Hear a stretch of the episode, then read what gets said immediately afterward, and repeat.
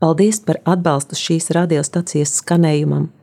Tās turpmākā pastāvēšana ir iespējama pateicoties jūsu ziedojumam. Ja visi saprastu, ko nozīmē evaharistija, pie baznīcu durvīm būtu ļoti garas rindas.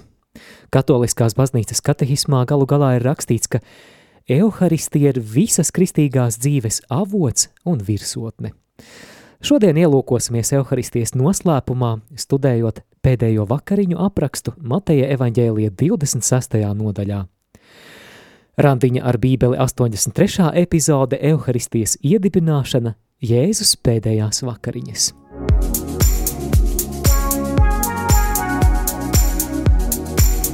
Skan Randiņš ar bībeli.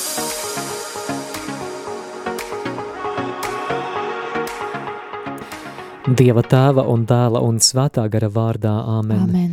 Mēs lūdzam nāc svētais gars, mēs lūdzam, lai šis ir pārdabisks laiks, un lai iedziļināšanās tavā vārdā palīdz mums vairāk iemīlēt euharistisko Jēzu. To mēs lūdzam Jēzus Kristus vārdā. Āmen. Amen. Svētais Matei, Lūdz, lūdz par par mums. mums.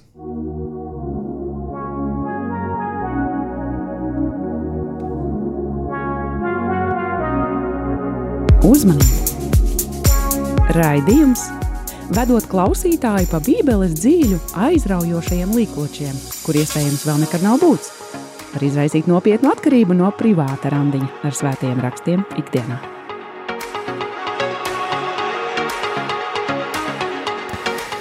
Šodien lasām Mateja evaņģēlija 26. nodaļu no 17. līdz 29. pantam. Raidījuma sākumā mēs um, ātri iziesim cauri šīs dienas tekstam, sniedzot arī nelielus komentārus, bet raidījuma otrajā pusē mēs pievērsīsimies izvērstākam teoloģiskajam komentāram, kas mums labāk palīdzēs saprast evaharistijas būtību. Un studija SMS Olga. Un es, Māris. Sākam lasīt Mateja evaņģēlē 26. nodaļas 17. pantu. Bet pirmajā neraudzētās maizes dienā mācekļi nāca pie Jēzus un sacīja viņam, kur tu gribi, lai mēs tev sataisam ēst lieldienas jēru?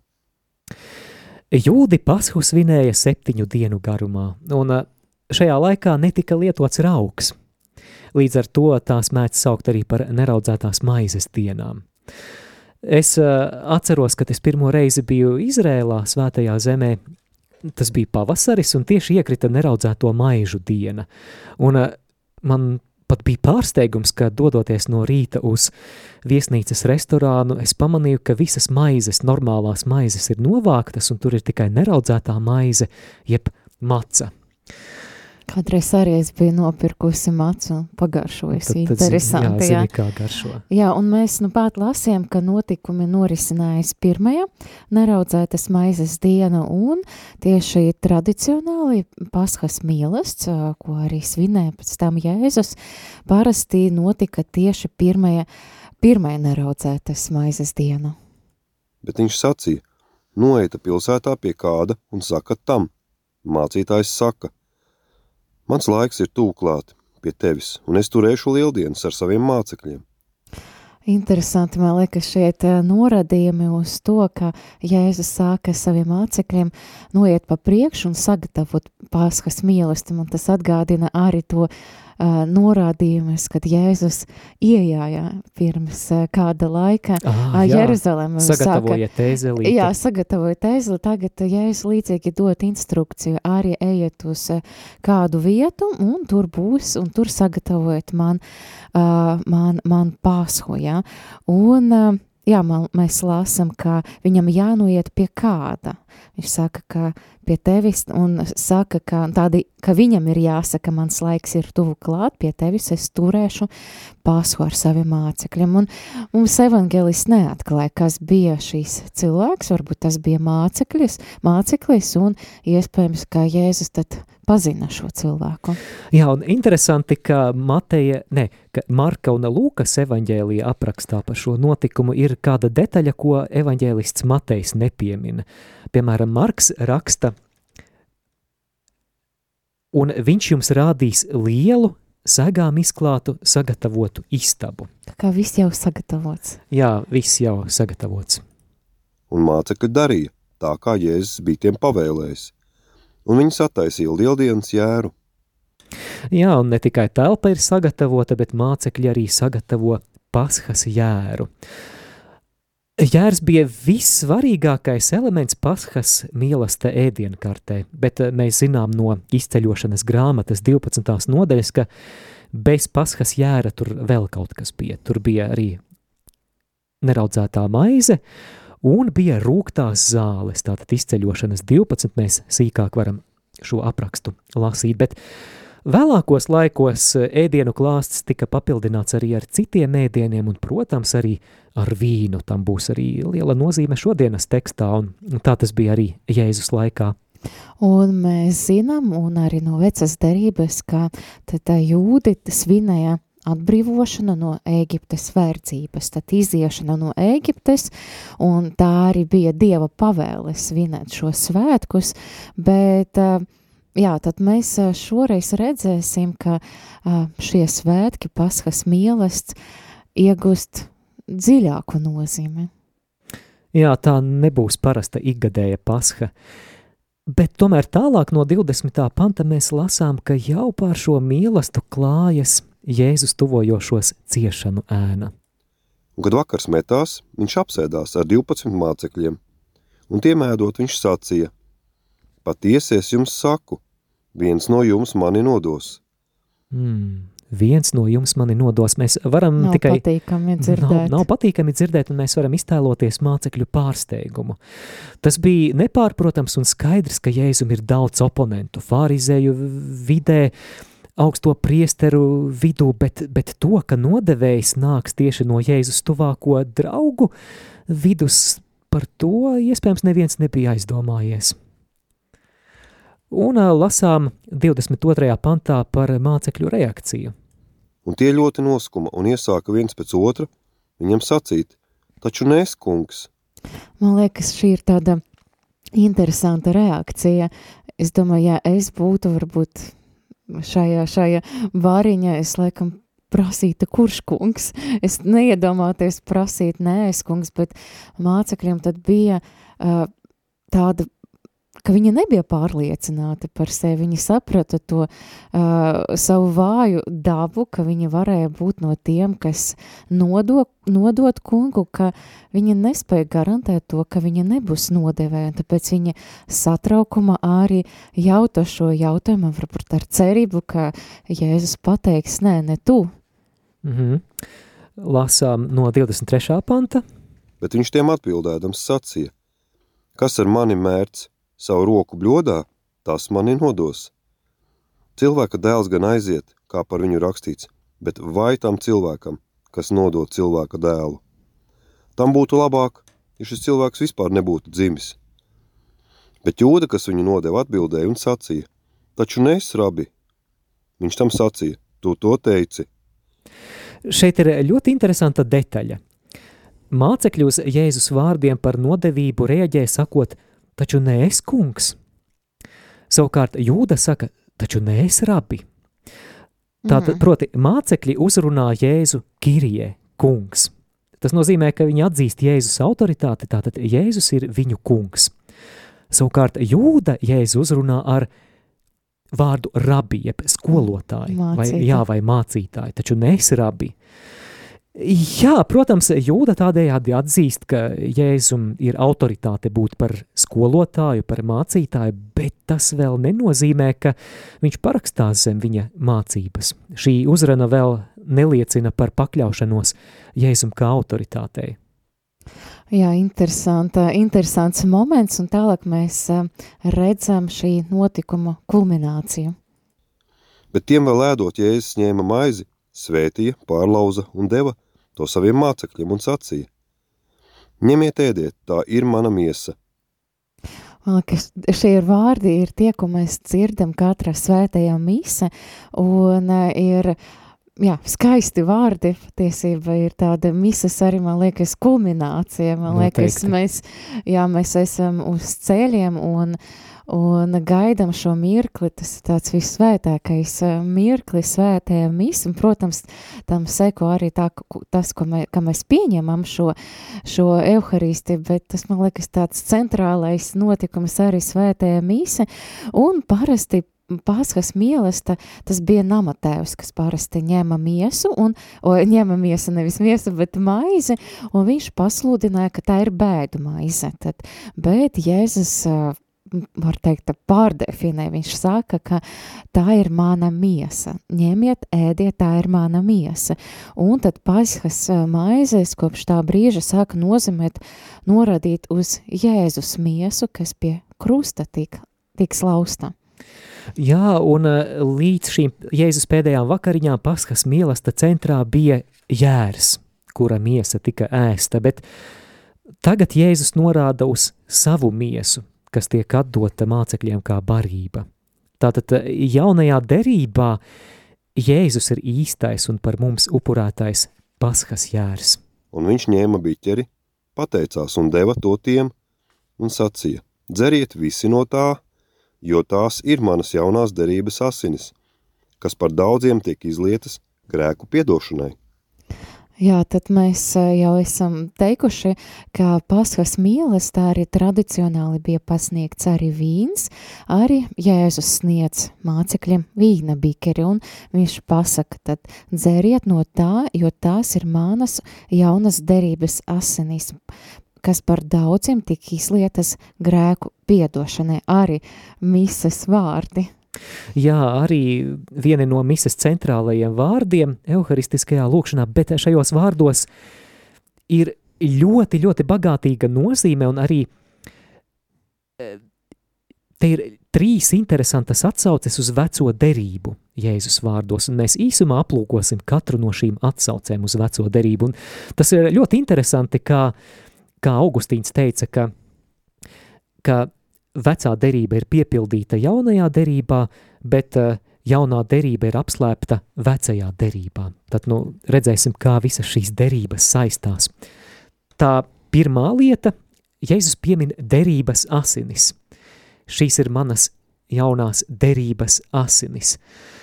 Vārdi derības asinis ir atsauce uz vārdiem, ko Mūzus teica derības noslēgšanas brīdī pie Sinaja kalna pakājes.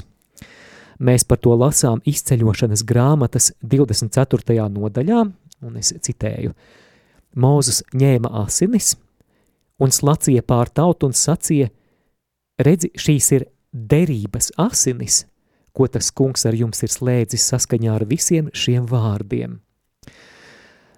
Mūzus laikā derības asinis apstiprina derību starp Dievu un Izrēļa tautu. Bet pēdējās vakariņās ar Jēzus derības asinīm tiek nodibināta jauna derība. Pilnīgi jauns attiecību modelis, pilnīgi jaunas attiecības un jauns līgums ar Dievu. Un tad uh, otrā atsauce uz veco derību Jēzus vārdos, ko viņš pasludināja, tad ir tā ir jauna derība, un mēs uh, lasam vecēja derība, kas tur Jeremija, jā, teicu, ka...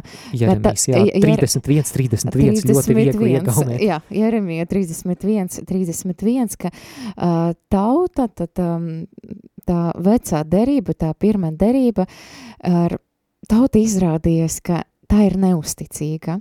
Viņa ne, nebija uzticējusies, un uh, viņa savukārt ir lauzī, lauzusi to derību, un tāpēc Dievs caur pravieti Jeremija, viņš eh, pasludina, ka viņš vēlas nodibināt jaunu derību, tad Jerem, Jeremija tad 31, 31, un Jēzus norada, ka tas tagad ir piepildās, jā, viņš pasaka, šīs ir manas jaunas derības asins, tad viņš atsaucas o, tad uz to grāmatu vecajā derībā tātad eh, jaunā derība. Bet eh, trešā atsauce uz vecās derības tekstu ir vārdos, ka šīs asinis par daudziem tiek izlietas grēku piedošanai, tātad daudziem un grēku piedošanai. Un šeit ir atsauce uz pravieša Jesaja dziedājumu par cietēju kalpu, ko mēs, starp citu, jau diezgan drīz dzirdēsim arī lielās piekdienas liturģijā. Dziedājums, kas atrodams Jesaja grāmatas 52. nodaļas beigās un 53. nodaļa, tas ir dziedājums par Dieva kalpu, kurš atdod savu dzīvību, lai paņemtu daudzu grēkus. Viņš nesa daudzu grēkus. Jesajas 53, 12.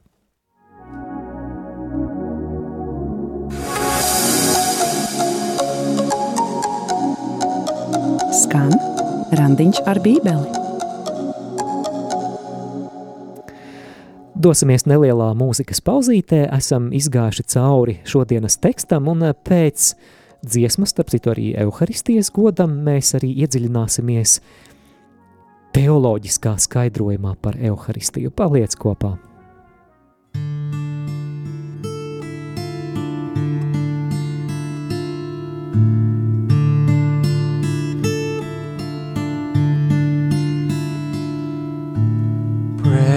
Of life come down from heaven, O consecrated host divine, O living word of God, made flesh and blood. Bread of life come down from heaven. Bread of life come down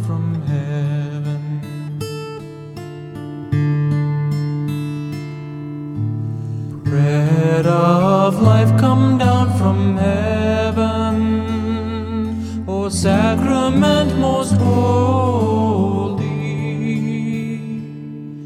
O manna sent from God, heavenly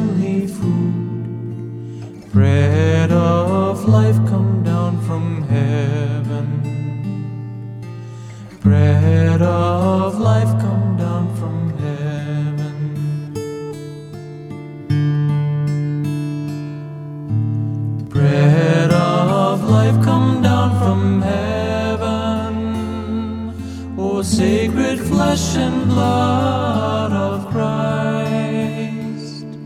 In you we taste the good mercy of God. Bread of life come down from heaven. Bread of life come down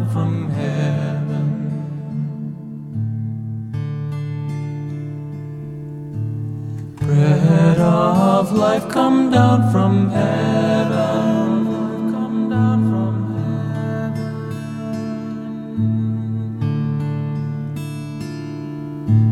Bread of life come down from heaven. Dzīvības maize, kas nākusi no debesīm, Kārls Kolheis šajā dziesmā, bet turpinām raidījumu Randiņš ar bībeli 83. epizode Euharistijas iedibināšana Jēzus pēdējās vakariņas. Pirms brīža mēs aplūkojām Mateja evaņģēlija tekstu par šo notikumu, bet raidījuma turpinājumā mēs piedāvājam arī izvērstāku teoloģisku komentāru. Un te mēs pamatā balstāmies uz diviem ļoti lieliskiem avotiem - bīskapa Roberta Barona katehēze par Euharistiju un daudziem pazīstamā Skota Hāna grāmata Jēra vakariņas. Jā, un raidījumā turpinājumā mēs aplūkosim Euharistiju, Euharistijas tādus trīs aspektus. Tad pirmais ir mielasts, otrais ir upuris, un trešais ir Jēzus reāla klātbūtne. Vispirms parunāsim par Euharistiju kā mielastu. Mīļo klausītāji, iztēlojies skaistu mielastu. Ģimene ir sapulcējusies pie vakariņu galda, smaržo ēdieni, raisās sirsnīgas sarunas, valda uzticēšanās, tuvāk mīlestība, ir omulīga atmosfēra. Un interesanti, ka tieši mielasts tas ir attēls labai dzīvē, jeb tam, ko Dievs ilgojas dāvāt saviem bērniem. Tā ir Dieva bērnu sapulcināšana pie galda. Arī liturģijā mēs dzirdam šos vārdus – svētīgi, kurus Dievs aicina pie sava galda. Un palūkosimies tagad, kā šis mīlestības simbols vies cauri visai Bībelē un kā tas gūst piepildījumu tieši Jēzus pēdējās vakariņās.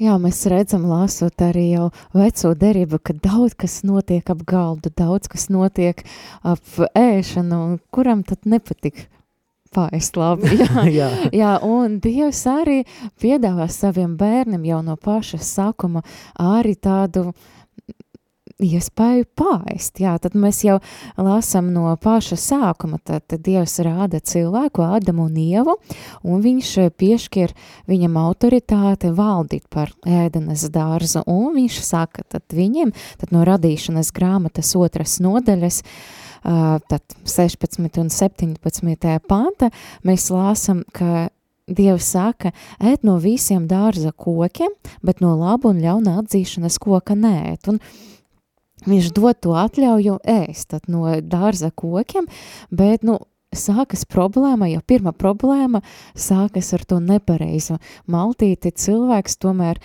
čūskas, tad ļauna gara kārdināts, izvēlas ēst no, no tā ļauna atzīšanās koka, tad viņš izvēlas tā kā kļūt kā dievs, tad taču uzska sola, ka ja tu ēdīsi no šī koka, tu būsi kā dievs, un mēs līdzīgi arī dāram sava, sava dzīve, jo bieži dievs mums piedāvā uh, labu mīlestību. Viņš mums piedāvā žēlastības, dāvanas, ko viņš sagatavoja mums, bet bieži vien mēs savā dzīvē nezinu, kāpēc izvēlamies kaut kādu surrogātu.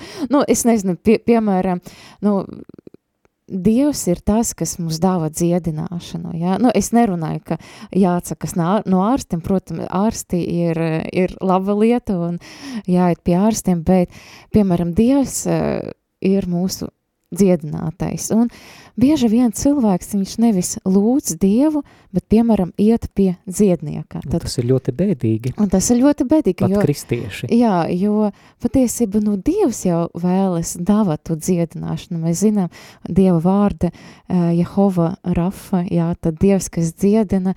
Jā, es, protams, es nerunāju par ārstiem, un tā tas ir pareizi iet pie ārsta, bet jā, bieži vien mēs tā daram, un mēs arī redzam, kā Ādama un Ievas izvēle, tad um, viņa tā nepareizi izvēle arī izraisa tādu, kā var teikt, globālu katastrofu, tad grēka krišanu.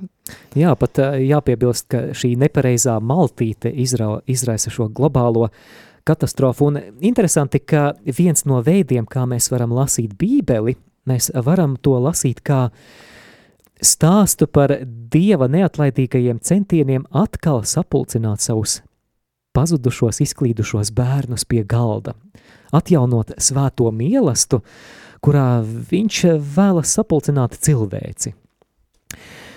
No Ādama un Ievas mēs dodamies tālāk uz izceļošanas grāmatu.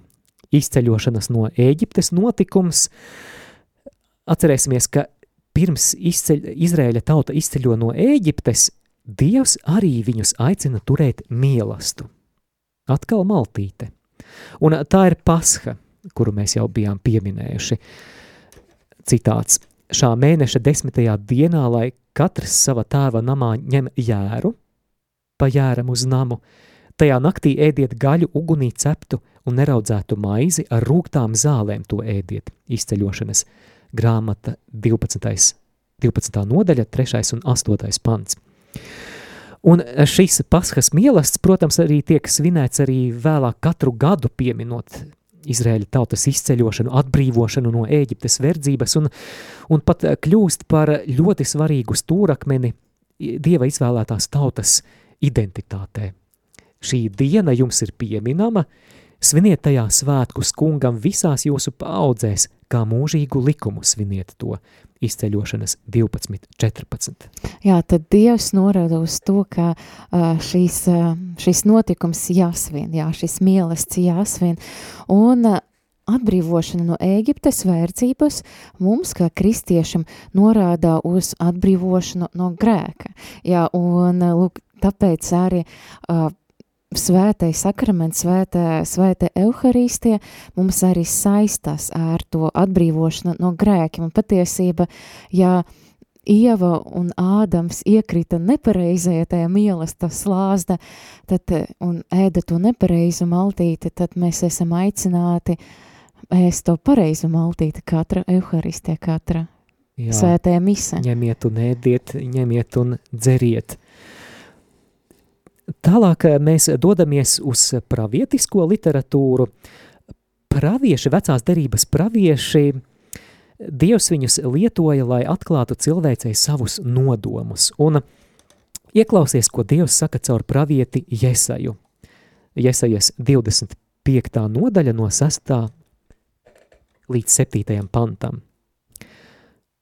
Pulku kungs nu sataisīs visām tautām treknas dzīves šai kalnā. Dzīves ar nostāvējušos vīnu, ar treknuma leknumiem, ar vecu briedušu vīnu – Šai kalnā viņš saplēsīs apsegu, kas klājās pār visu tautu, apklāju, kas sedz visus ļaudis. Lūk, caur pravieti Dievs atklāja savu nodomu, ka viņš laiku beigās vēlās atjaunot to izpostīto svēto mielastu.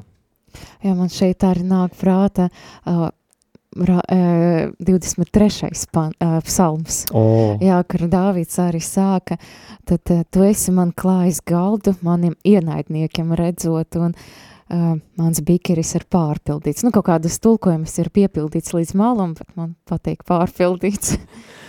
Jā, tālāk mēs dodamies strauji, straujā tempā cauri bībelē, nonākam gudrības literatūras žanrā.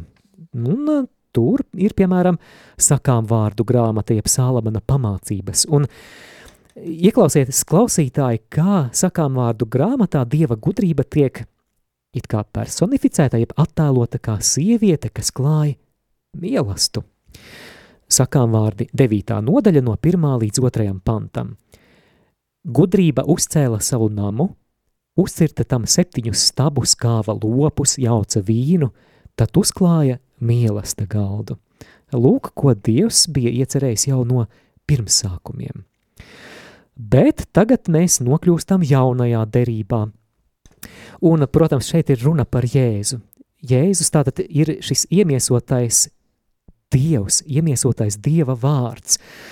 Un interesanti, ka Jēzus piedzimst Bētlemē. Klausītāji, vai tu zini, ko nozīmē Bētleme? Betlehem no ebreju valodas nozīmē maizes nams. Maizes nams ļoti interesanta sakritība, ņemot vērā, ka mēs runājam par Jēzu kā šo dzīvības maizi. Un evaņģēlijus lasot, mēs redzam, cik lielu uzmanību Jēzus mīlestam piešķir. Piemēram, tiek uzskatīts, ka Lūkas evaņģēlijā tiek aprakstīti veseli desmit mīlesti, vesela mīlestu maltīšu teoloģija tur ir.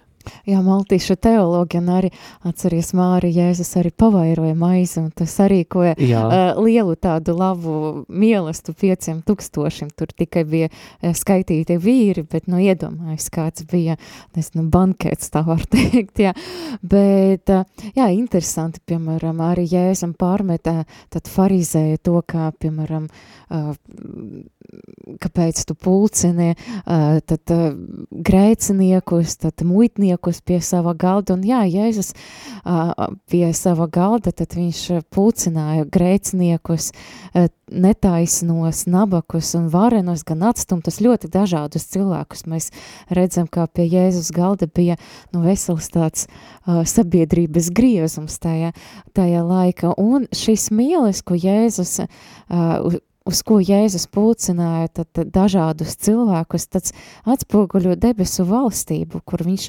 vēlas sapulcināt ikvienu, ik katru no, no, no sabiedrības, no šīs pasaules, gan biznesmēņus, gan bezpajumtniekus, gan kādus, nezinu, dažādus cilvēkus, jaunus, vecus.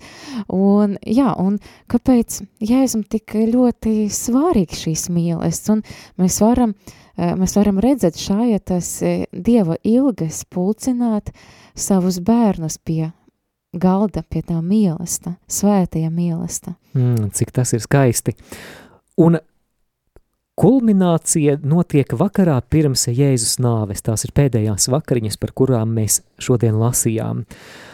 Un Jēzus paskas mīlestā sapulcina savus 12 apustuļus, 12 mācekļus, un tas simbolizē atkal sapulcinātās 12 Izrēļa ciltis, sap, atkal sapulcināto dieva tautu. Un, un tagad lūk kāda sasaiste ar tām rakstuvietām, kuras mēs minējām vecajā derībā. Interesanti, ka pēdējās vakariņas notiek Sionas kalnā netālu no Jeruzalemes tempļa. Un te īpašā veidā piepildās pravieša Jesaja vīzija par šīm dzīrēm kalnā ar nostāvējušos vīnu, ar treknuma leknumiem, ar vecu briedušu vīnu. Un Jēzus šajā mīlestā ir namatēvs. Un jā, mēs arī varam atcerēties tad sākum, sākam vārdu grāmatu par Dieva gudrību.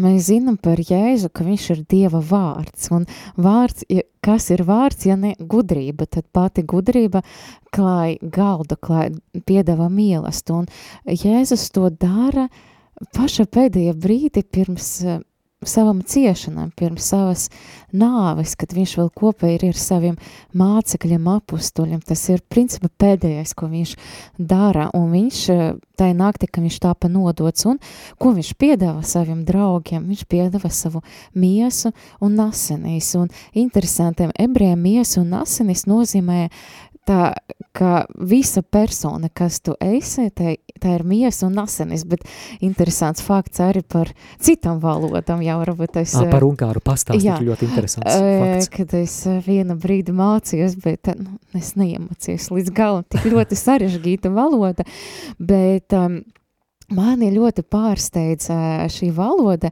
jo ungāru valoda tešt ir ķermenis un vēr ir asinis bet brālis viņam būs teštver. Mm, Tas un, miesa un asinis miesa vienā un vārdā. Asinis, mm. es domāju, wow, cik ļoti interesanti. Un, piemēram, arī tad lasījumies, piemēram, kad ir um, Svēta Pāvila vēstules, jā, tad tur uh, sākas, kad ar brāļiem, tad uh, tur arī šīs vārds tiek izmantot teštvēriem, mm, tā kā brāļi, interesanti. jā. Ļoti interesants, jā. Un uh, noslēdzot šo sadaļu par uh, Euharistiju kā mīlestību, vēl tikai piebildīsim, ka tā, tātad tas, kas tika izjaukts ēdenē, tas, ko paredzēja pravieši, patriarhi, tas, uz ko Jēzus norādīja caur savu publisko kalpošanu, tagad sasniedz vispilnīgāko izpausmi svētā maltītē, Euharistijā. Un kas ir tas mirklis, kad mēs pārdabiskā veidā esam līdzdalībnieki šajā notikumā. Protams, ka tā ir evaharistija, tā ir svētā mise. Un tā nav tikai piemiņa, bet mēs varam teikt, mēs esam piedalījušies Jēzus Kristus pēdējās vakariņās. Mēs tur esam bijuši. Tātad eh, mēs varētu arī tā poētiski vai simboliski teikt, ka katra svētā mise ir šis pravieša Jesaja svētais kalns. Un katra svētā mise ir Dieva gudrība, kas klāja galdu. Mīļo klausītāji, varbūt arī tev, kas komentējams vai kas sakāms, varbūt tu vēlētos padalīties, ko tev nozīmē evaharistija. Iesaisties ēterā, zvanot uz studijas tālruni 67 969 131 vai rakstot īsiņu uz numuru 266 77 272. Izmanto arī e-pasta iespēju Studija at rml.lv.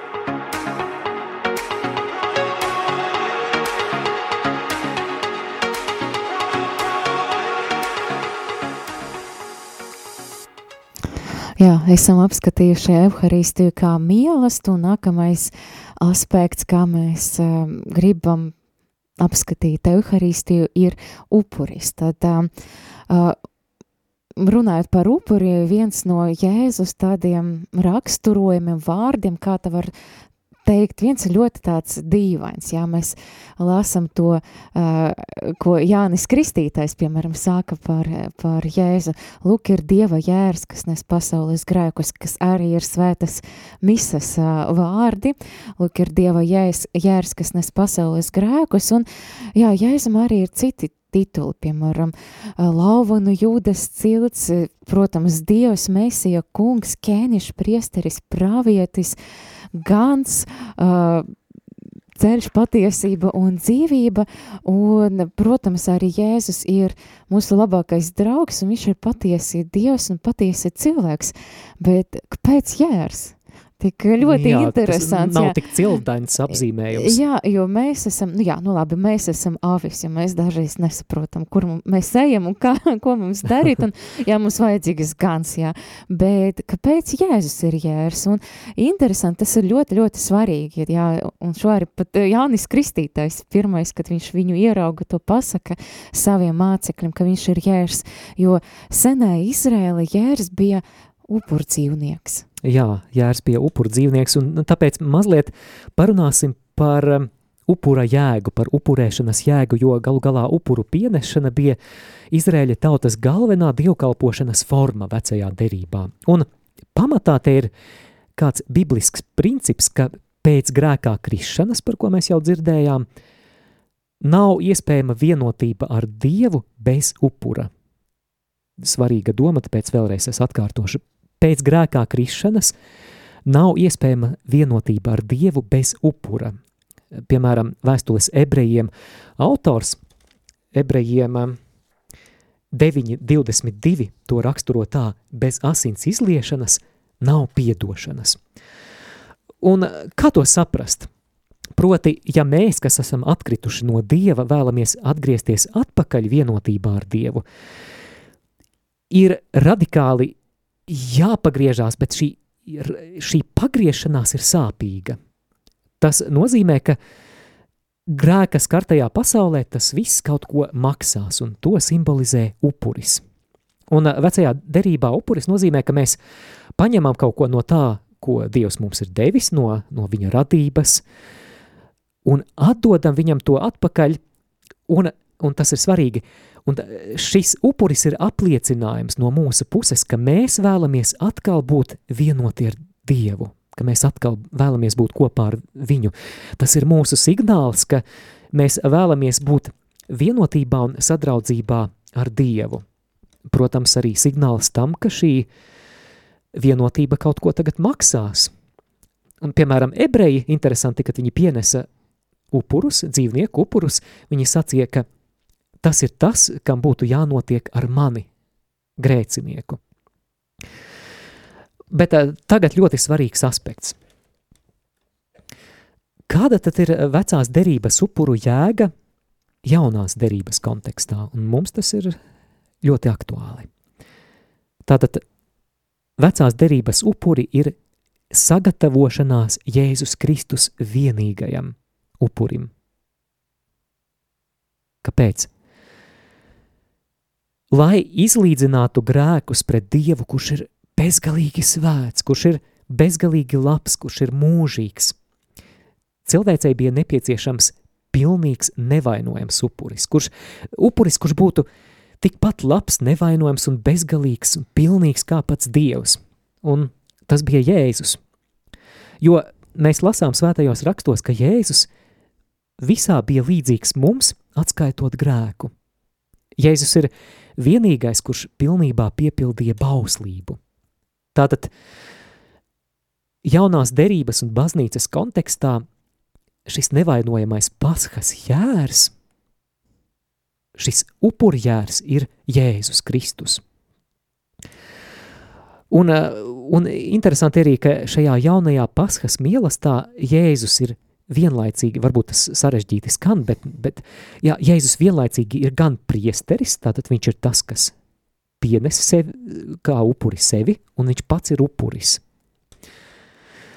Un uh, citēšu arī fragmentu no vēstules ebrejiem 10.4, uh, jo vēršu un āžu asinīm nav varas atņemt grēkus. Tātad tas ir pretstatā uh, tam, ka Jēzus upuris paveica to, ko miljoniem vēršu un āžu asinis nespēja, jo vēršu un āžu asinīm nav varas atņemt grēkus.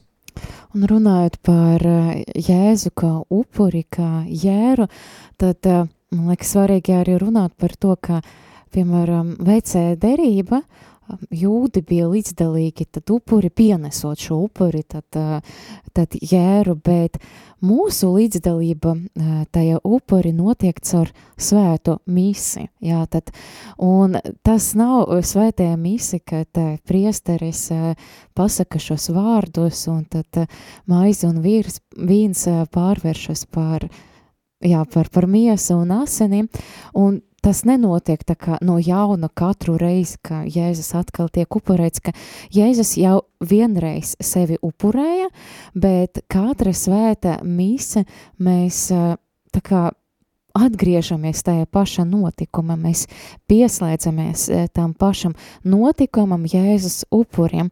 Tomēr ar to nav gana, ka mēs varbūt vērojam no malas, jā, Jēzus to upurē, mēs ticam, un arī nepieciešams kāds solis no mūsu puses, lai, un lai atjaunotu savu derību ar Dievu, mums jāiet jērs, paskas jērs, kurš ir arī mūsu neraudzēta maize, tad kunga miesa un asinis, un mēs lāsam tad, uh, no Jāņa evangēlijas 6. nodaļas 54. panta, tad Jēzus saka, ka kas bauda manu miesu un dzer manas asanis, tam ir mūžīga dzīvība, un es to uzcelšu pastarā dienā. Tā nu klausītāji un skatītāji mēs esam aplūkojuši Euharistiju kā mielastu, evaharistiju kā upuri, bet pēc dziesmas pauzes atgriezīsimies ēterā, lai parunātu par evaharistiju kā Jēzus reālo klātbūtni. Es domāju, ka te jau ir pietiekami ko pārdomāt, tāpēc dodamies īsā mūzikas pauzītē.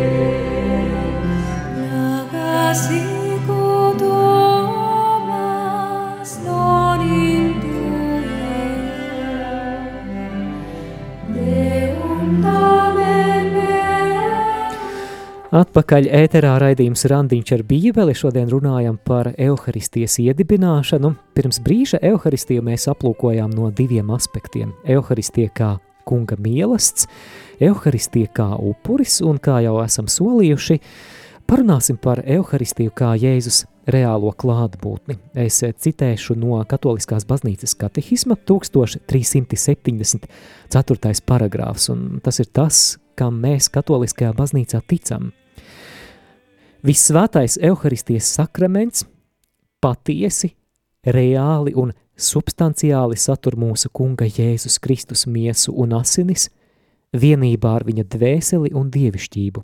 Tātad Kristu visā pilnībā. Vai vienkārši šiem vārdiem sakot, mēs parasti sakām tā, ka Jēzus ir patiesi klātesošs visvētākajā altāra sakramentā. Jā, man liekas, arī eh, tiem klausītājiem, varbūt, kas vēlas pameditēt par šo, eh, par, par šo, eh, par šo tādu evaharistijas aspektu, es noteikti ieteiktu izlasīt Jāņa sesto nodaļu evangēlijā. Noteikti, jā, jo Jā. tas ir viens no bibliskajiem pamatojumiem šai reālajai klātbūtnē, bet mums, diemžēl, nebūs Jā, šajā, tad, šajā raidījumā laika to, to izskatīt. Jā, bet par Jāņa sesto, ev- se- sesto evangēlija, tā, es sajaucu vārdus, Jāņa evangēlija sesto nodaļu, tad uh, Jēzus tur nesaka, ka šī maize simbolizē manu miesu, vai uh, jūs tikai ēdiet un atcerieties par, par manu miesu. Viņš pasaka, ka tas ir paties ēdiens un pate, paties dzēriens. Viņš norāda uz to reālu klātbūtni, un patiesībā arī uh, daudzi mācekļi viņi ieļaunojas un pārstāja viņam staigāt pakaļ tieši pēc šiem vārdiem. Viņi nevarēja saprast, Mhm. tas viņu kaut kāda ziņa ieļaunoja. Jā, Jēzus varēja, varēja teikt, piedodiet, nāciet atpakaļ, puiši, es tikai to biju metaforiski pārnestā nozīmē mm, domājis, bet nē, Jēzus samierinās ar šo mācekļu atkāpšanos, jo Jēzus runā burtiski. Mana miesa ir patiesa sēdiens, manas asinis ir patiesa dzēriens, un teoloģijā šo maizes un vīna pārvēršanos Kristus miesā un asinīs mises laikā sauc par, te būs sarežģīti izrunājums vārds, transsubstanciāciju. Visi kopā pateiksim. Transsubstanciācija. Jā, bet ko tas nozīmē? Tā ir pamatā esošās realitātes maiņa. Mēģināšu paskaidrot. Izšķirsim izskatu un īstenību. Tātad, eh, kad notiek šī pārvēršanās, tad izskats paliek, proti mēs redzam, ka maize izskatās kā maize, tā garšo kā maize, vīns izskatās pēc vīna, arī vīns smaržo un garšo pēc vīna, bet mainās dziļākā būtība, dziļākā īstenība, kas tas ir. Jā, un pārsvara dzīvojot šajā realitāte, pārsvara jau lieta, kas izskatās pēc vienas lietas, tad tā arī tā patiesība ir. Nu, te izskats atbilst realitātei, īstenībai, bet arī ir eh, kaut kādi izņēmumi, ja, un eh, tad tā ir, piemēram, euharistija, bet man liekas, Dievs arī dot mums tādu dāvanu, eh, ka Euharistija bija arī Euharistijas brīnumi, ja? kad Dievs mums dod žēlastību saprast to, ka, ka mainas arī izskat, izskats, jā, mainas Mhm. arī, nu, bija gadījumi, kad uh, gan Polija, gan Itālija, kad uh, tad ma, mi, maizīte, tad viņa mainījies pēc izskata, un, piemēram, arī zinātnieki, viņi pētīja to maizi, tad viņi saprata, ka tā ir miesas tā kā daļiņa. Jā, tā, tā tiešām ļoti interesanta tēma. Euharistiskie brīnumi, mm. -hmm. jā, es varu tā arī papētīt jā. šo tēmu. Es vēl tikai piebildīšu par to, ka ārējais veidols un īstenība nevienmēr sakrīt. Man nāk prātā, piemēram, mēs braucam naktī ar auto, un ir pilnmēnesis. Mēs skatāmies pa logu un izskatās, ka tas mēnesis mums ceļo līdzi, bet patiesībā tā nav. Mm. Lūk, piemērs tam, kā īstenībā ar, ar to, ko mēs redzam, nevienmēr sakrīt. Arī ir teiciens, nevis zelts, kas spīd. Jā, apmēram tā.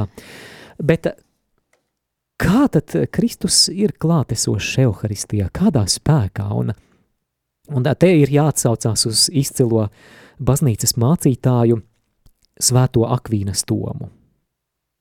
Un viņš saka, via verbum, jeb vārda spēkā, proti, konsekrācijas vārdu spēkā, jo priesteris izsakot šos konsekrācijas vārdus, jeb Jēzus pēdējās vakariņās izteiktos vārdus ņemiet un ēdiet, šī ir mana miesa, šīs ir manas asinis, viņš to izsaka ar Jēzus Kristus autoritāti, viņš, viņš to izsaka Jēzus Kristus personā. Un, un varētu jautāt, nu, bet vai vārdi var izmainīt īstenību? Protams, Iedomājies, ka tevi klausītāji satiek eh, policistus uz ceļa un, un pavicina ar zizli, parāda savu aresta orderi, jā, un saka, jūs esat apcietināts, un tas maina jūsu statusu. Jā, vārds maina kaut ko.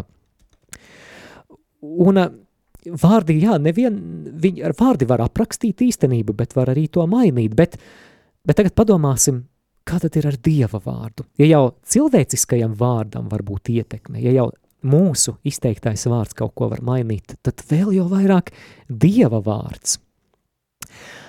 Vecajā derībā ebrejiski šis vārds, jeb Dieva vārds ir dabar.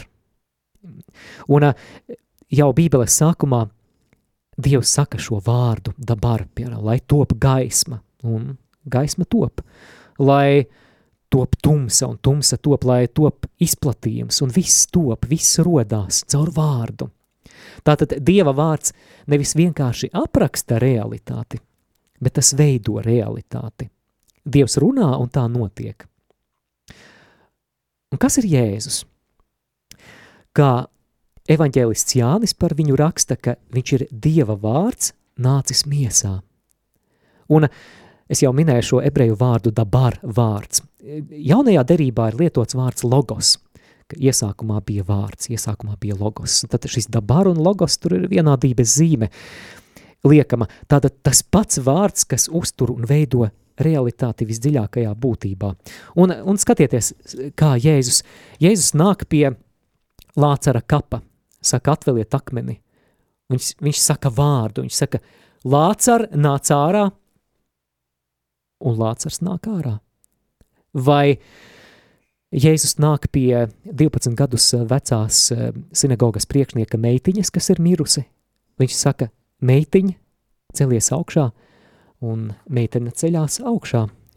Interesanti, jā, tā arī notika Jēzus eh, dziedināšanas brīnumi, kad Jēzus sāka celies un staigā, esi vesels, un tad eh, pat matērija, pat, pat tā slimība pakļaujas, un tad notiek pat vētra, Jēzus arī pavēl vētrai klusēt, un tad tā notiek, notiek tā vētras nomierināšana. Un svētajie misi, kas tad liek tad tā maizē un vīnam, tā kā pārvērsties, un tie ir konsekrācijas vārdi, tad priesteri izteiktie konsekrācijas vārdi Kristus spēka maina realitāte. Tad tie vārdi ir, kad priesteris sāka šis, šī ir mana miesa, šīs ir manas jaunas mūžīgas derības asinīs, tad arī vēl viens katoļu baznīcas skolotājs un Jozef Rācengers vai Pāvis Benedikts 16, kurš tagad ir mūžība, arī nolasīšu no viņa citātu, tad viņš saka, Jēzus vārdi sagrēb maizes un vīna realitāte pie pie pašas to eksistences saknēm un pārvērš tos Jēzus miesa un asinīs. Un vai tad tas ir tikai simbols? Nē, un Jēzus saka, tā ir mana miesa, ir paties mans ēdiens.